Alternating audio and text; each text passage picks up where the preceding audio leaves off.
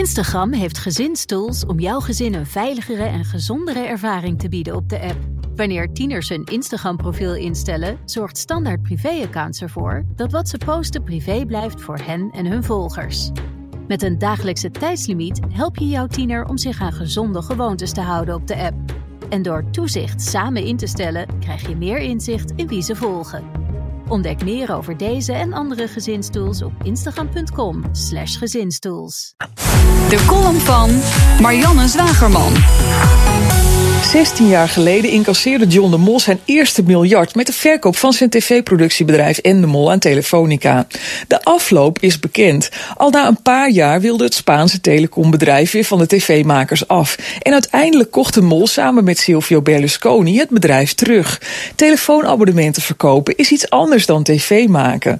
En toch is het een golfbeweging die we al jaren zien. KPN ging aan het begin van deze eeuw ook in media, maar later toch maar weer niet. En nu toch maar weer wel.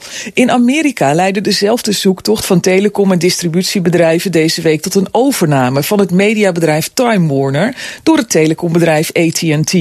85 miljard dollar betaalde de telecommer voor het moederbedrijf van CNN, HBO en Warner Bros.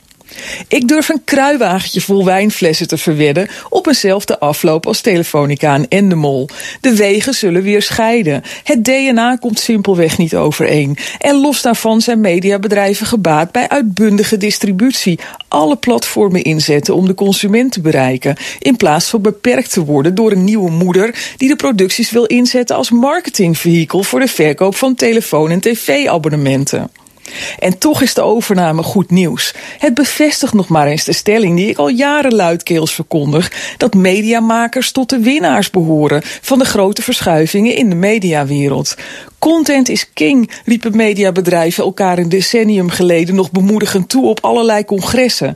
Maar juist nu dit soort enorme overnamedeals bewijzen hoe waar die stelling is, lijken de mediamakers er zelf niet meer in te geloven. Ze liggen op hun rug met de pootjes in de lucht en geven hun handel gratis weg aan slimmerikken als Mark Zuckerberg, die er wel geld mee weten te verdienen zonder één dollar te investeren in redacties.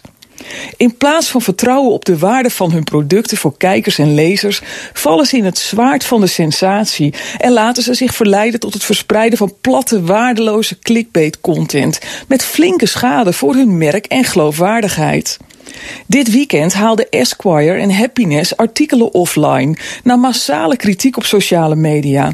Het stijlvolle mannenblad Esquire riep verkapt op tot aanranding van beschonken vrouwen. En het succesvolle Happiness werd het middelpunt van een onaangename discussie over het inenten van kinderen.